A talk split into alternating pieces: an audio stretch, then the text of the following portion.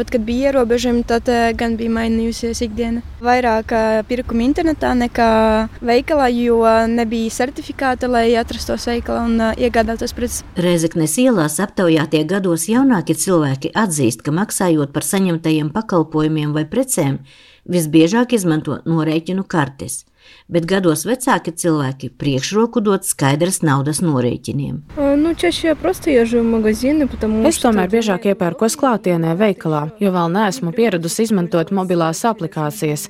Parasti norēķinos ar karti. Dažreiz izmantoju iespēju pasūtīt ēdienu uz mājām. Tas ir tad, kad negribas nekur iet.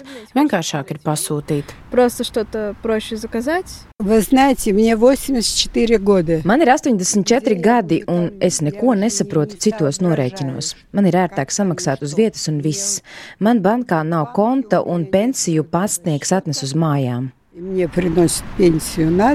Mainoties klientu paradumiem, iedzīvotāji aizvien vairāk izmanto iespēju maksāt ar telefona palīdzību jeb e-maku vietālrunī, kā arī saņemt skaidras naudas izmaksu tirzniecības vietās, izmantojot karšu termināļus. Kā uzsver Igors Nikitins, SIA Igi vadītājs, kurš ēdināšanas nozarē Rezeknē un tagad arī Daugopilī darbojas jau ceturto gadu, Pandēmijas laikā uzņēmējiem nācās meklēt jaunas iespējas, kā nodrošināt saikni ar saviem klientiem, arī meklējot papildus norēķinu iespējas.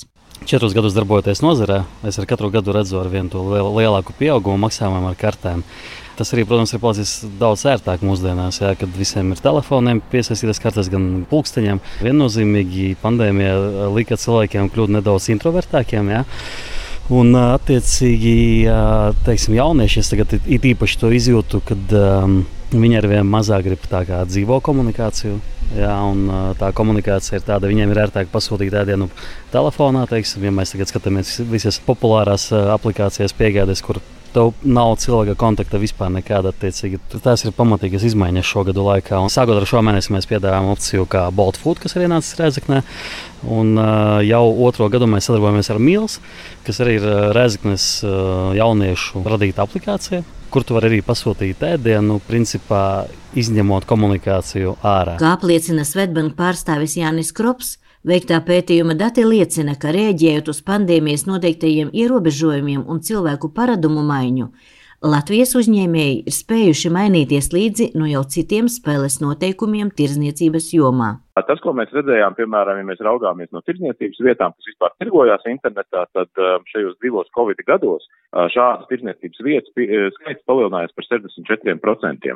Nu, mēs redzam, ka pēc pandēmijas atcelšanas tad e-komercija apgrozījums uzreiz arī samazinājās par 25%. Nu, skaidrs, ka to varētu mēģināt uh, izskaidrot arī ar to, ka cilvēki divu gadu laikā bija vienkārši noilgojušies doties fiziski šo veikalu, apskatīt preci, pasūtīt, beidzot iepirkties kā ierasts, nevis pasūtīt visu caur kurjeriem un caur attālinātiem piegādes veidiem. Tirgotāji tagad ir aizvien vairāk sākuši domāt, kā apvienot platformas. Tātad viņi gan saprot to, ka būs fiziskais pārdošanas kanāls, gan arī šis attālinātais. E-maki un vispār vietālu viņi piedāvātās norēķinu opcijas iespējas, protams, paliek aizvien izdevīgākas, kāpēc, nu, nav jāņem ārā karti, to pašu var samaksāt caur telefonu, jā, un, tad, piemēram, jau Svetbanka statistika rāda, ka katrs desmitais maksājums ar bezkontakta mobilo aplikāciju notiek ar šo bezkontakta mobilo norēķinu iespēju, kas aptuveni nozīmē 13% visu maksājumu. Svetbanka pētījums atklāja, ka pandēmijas ietekmē bezskaidras naudas maksājumu skaits visvairāk te uz pusi samazinājies viesnīcu un restorānu nozarē.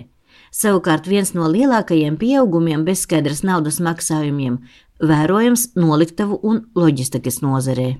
Katru gadu pieaug arī vidējais mēneša pirkumu skaits un summa, kas veikti ar maksājuma karti. Pērn vidējais pirkumu skaits gadā ar Svetbank maksājuma kartēm bija teju 207 miljoni, kas ir pa 7% vairāk nekā pirms diviem gadiem. Iveta Čigāne, Latvijas radio studija Latgalē.